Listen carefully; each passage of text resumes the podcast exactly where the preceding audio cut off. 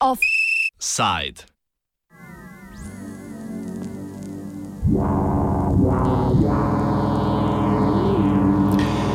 Kot strela z jasnega je Ministrstvo za kulturo sporočilo, da je novela zakona o medijih v zaključnem postopku priprave. To se najbrž sliši kot dobra novica, a zajec tiči v dejstvu, da nihče pravzaprav ne ve, kaj je v noveli zapisano. Ministrstvo je namreč zakon pripravilo stran od oči javnosti, predvsem pa medijev, ki se jih tema najbolj dotika. Več o tem Špela Stare, generalna sekretarka Društva novinarjev Slovenije. Uh, ja, v Društvu novinarjev Slovenije smo bili v bistvu iz medijev seznanjeni, da se pripravlja oziroma da naj bi bila novela zakona o medijih že v zaključni fazi priprave. Uh, Ministrstvo za kulturo nas vsekakor ni pritegnilo k pripravi te novele, tudi ne vemo, ali um, ta nova novela ki se pripravlja, izhaja iz že pripravljene novele, uh, v kat, v, pri pripravi katere smo sodelovali tako Društvo novinarjev kot uh, drugi deležniki v medijskem prostoru. Uh, danes bomo na ministrstvo naslovili um, poziv, zahtevo, prošnjo, da nas seznanijo z vsebinskimi rešitvami v tej noveli in da nam tudi predstavijo časovnico. Eh, prav tako tudi za novelo zakona, zakona o audiovizualnih medijskih storitvah, ki mora biti uh, direktiva o audiovizualnih medijskih storitvah, namreč mora biti implementirana v nacionalno uh, zakonodajo do septembra tega leta. Znano ni niti, ali se je resorno ministrstvo o pripravi v čemer koli naslonilo na že pripravljeno novelo, ki jo je poleti pripravila prejšnja vlada. O razlogih, zakaj ta ni bila sprejeta. Ta novela bi mogla iti v obravnavo na vlado. Uh, v bistvu je bila usklajena, če se, če se spomnite, je lansko poletje uh, tekla javna razprava. Uh, sicer ni bila javno objavljena, to je res, ne, da tik predtem, ko bi jo, se pravi, novelo z vsemi temi popravki, ki so izhajali iz javne razprave, tik predtem, ko bi bila v bistvu šla je v že v medresorsko usklajevanje in vse, uh, tik predtem, ko bi mogla iti v, v proces, uh, sprejem na vladi in potem v parlamentarno proceduro, je pač šarec odstopil. In uh, zaradi tega je novela obtičala v, v predalu, je bila pa praktično uh, oblikovana, besedilo je bilo zaključeno. Tako da vsekakor upamo, da bo ministrstvo izhajalo iz tega besedila um, in ne zdaj pisalo že spet neke, nekega svojega novega predloga. V luči depeše o stanju medijske krajine, ki jo je prejšnji teden na Svet Evrope poslal vladni urad za komuniciranje, krajše UKOM, je najbrž jasno, zakaj se pri pripravi novele ministrstvo zavija v tančico skrivnosti. Po mnenju neznano koga, saj UKOM in ministrstvo za zunanje zadeve pri prevzemanju odgovornosti kažeta prst drug v drugega. Slovenske medije namreč obvladujejo sile kontinuitete že 30 let neobstoječega sistema sistema. V depeši pisec seveda ni pozabil omeniti udbe, njene hobotnice in drugih morskih sadežev. Afera je privedla do vabila ministru za zunanje zadeve Anžetu Logarju na skupno sejo odboru za zunanje zadeve in kulturo, na katerem je zanikal, da naj bi dotični zapis veljal kot diplomatska depeša. Vseeno pa je izrazil strinjanje z vsebino. Na poslanska vprašanja ni hotel odgovarjati in je po uvodnem nagovoru sejo zapustil.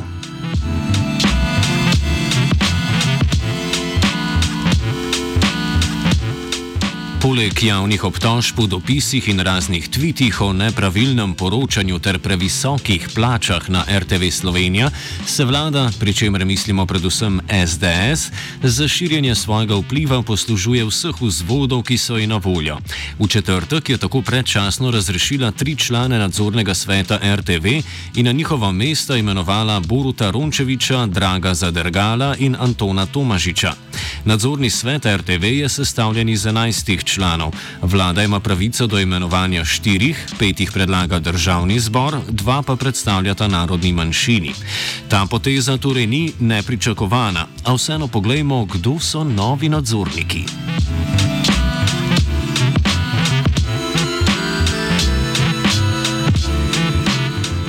Rončevič je dekan Fakultete za uporabne družbene študije v Novi Gorici, ustanovljene leta 2006 v obdobju prve Janševe vlade in nekdani sekretar na Ministrstvu za izobraževanje tudi v času druge Janševe vlade pod vodstvom Žiga Turka. Takrat je ministrstvo z razpisom podelilo koncesije trem visokim šolam, ki jih je naslednja vlada pod vodstvom Alenke Bratušek omenjenim šolam oduzela, saj naj ne bi bile upravičene do njih. To pa je bil povod za vložitev obtožnice zoper ministra in sekretarja, ki jo je tožilstvo leta 2018 umaknilo. Še en zanimiv podatek o Rončeviču, po izobrazbi je sociolog, kljub temu pa se je lani znašel na seznamu potencialnih mentorjev mladim raziskovalcem. Vse je lepo in prav, a mentoriral naj bi na področju kompleksnih računalniških omrežij na Fakulteti za informacijske študije v Novem mestu. Odkot sociologu ustrezna strokovna usposobljenost, ni znano. Rončevič je tudi ustanovitelj znanstvene založbe Vega Press s sedežem v Londonu. Ta sama po sebi ni najbolj omembe vredna, je pa koristna za raziskovalce, ki so Rončeviču blizu in lahko pri založbi izdajo svoje dela ter tako lažje zbirajo točke za dosego kriterijev za dodelitev štipendij.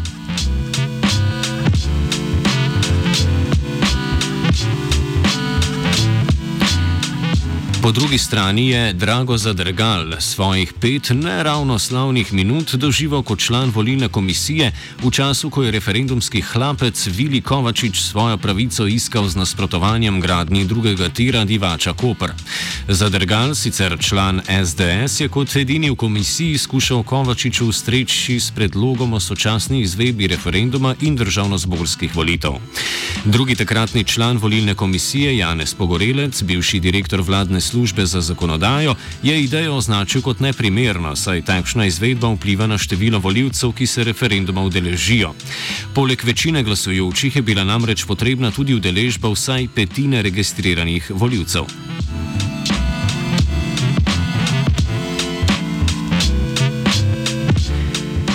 Poleg nadzornega sveta, ki je zadolžen predvsem za nadzor nad poslovanjem RTV in finančne vidike, del vodstva RTV tvori programski svet, ki so mu namenjene bolj vsebinske odločitve. Izmed 29 svetnikov jih 21 imenuje državni zbor, od tega 16 na predlog gledalcev, poslušalcev in raznih društv pet pa na predlog političnih strank. O imenovanju osmih iz prve kategorije bo državni zbor odločal jutri, na razpolago pa ima 62 kandidatov, med katerimi se je znašel tudi samooklicani psihoanalitični dvojni coprnik Roman Vodeb. Več o programskem svetu in njegovem vplivu na vsebine RTV pove Sašo Hribar, voditelj na radiju Prvi in bivši programski svetnik. No, vlada bo seveda zamenjala to, kar spet ima zakonsko podlago, tem se izteče štiriletni mandat, to je osem svetnikov. Eh, vlada je sestavljena pač iz strank, ki bodo delegirale svoje ljudi v programski svet, poskrbeli bodo za to, da bodo imeli večino. Če večina v programskem svetu pomeni, da so odločitve neke politične opcije že naprej jasne, tako da je seja programskega sveta popolnoma zguba. Tako kot je sicer zguba, da ne bom povedal drugače, programski svetniki so pravzaprav neka politična institucija, ki skrbi za to, da se neka politična agenda uh, udejanja. Vseh 99 odstotkov stavka programa praktično je pa brez pomena vsaj za člane programskega sveta. Pa recimo radio je popolnoma deficitarno, radio se na nobeni seji programskega sveta spoh ne govori. Torej, svetniki bodo prišli, imeli bodo vzvode oblasti, verjetno bodo po hitrem postopku menjali generalnega direktorja, nastavili svojega generalnega direktorja, ki bo delal tako, kot mu pač vladajoča, vladajoča opcija ukazuje to, kar je interes vladajoče opcije in tako bo pač stvar tekla dalje.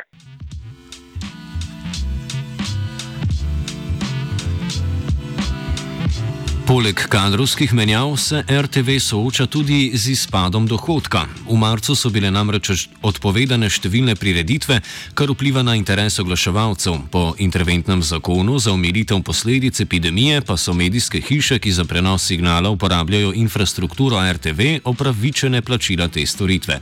Gre za vaš kanal in z mačarskim kapitalom podprto SDS-ovo trobilo Nova 24 TV. Več o tem Igor Kadunc, generalni direktor RTV Slovenija.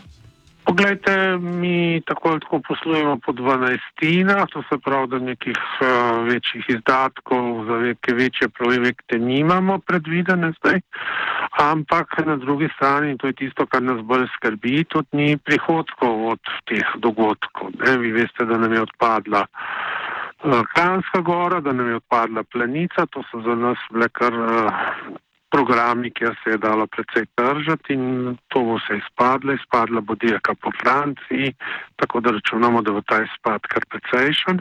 Po drugi strani pa seveda so tudi podjetja soočeno z padcem prihodkov, nastopa kriza in v takih situacijah je pogosto tudi občutno zmanjšanje budžetov, ki so namenjeni reklamiranju oglasom.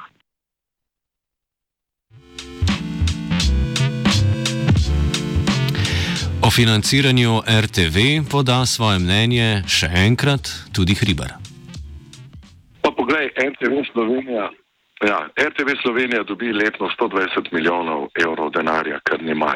Ogromno denarja gre za plače, skoraj 75, ne vem, 70, 75 odstotkov. Ostalo gre za tako imenovane dile. Katera pozicija je na oblasti, za njih je program takšen, kot je, pravzaprav kolateralna škoda program se ne splača investirati, program ne prinaša nobenih ugodnosti, sploh ni na RTV-u propozivnosti, kreativnosti, ni eh, ekskluzivnosti, ni česar tazga, ni, kar bi lahko upravičeval naš javni zavod RTV Slovenija. Razlika pa je seveda v načinu in delovanju ene ali pa druge politične opcije.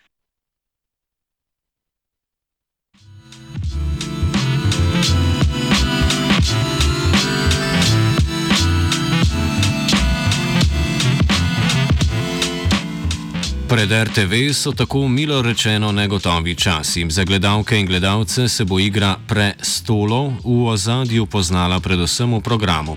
Vprašanje je torej, ali bodo deležni več kakovostnih filmskih in serijskih produkcij, dokumentarnih oddaj in kulturnih prispevkov, ali pa bomo ob petkih zamenjali kanal v izogib slovenskemu pozdravu in se režali neznanju nastopajočih na raznoraznih kvizih, ki testirajo osnovnošolsko razgledanost.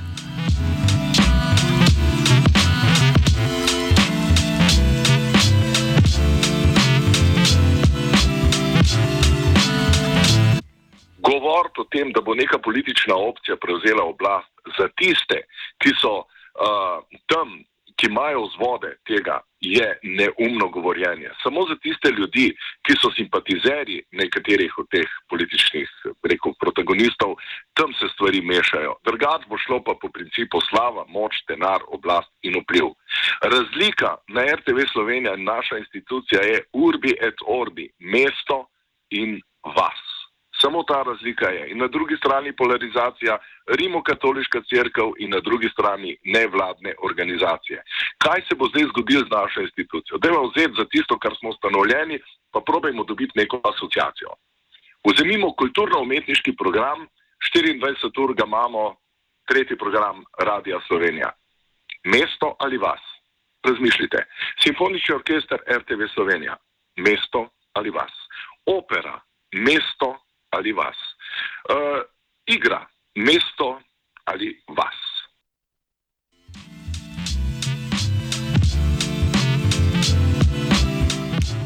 Offsideov prestol je zasedel Svetina.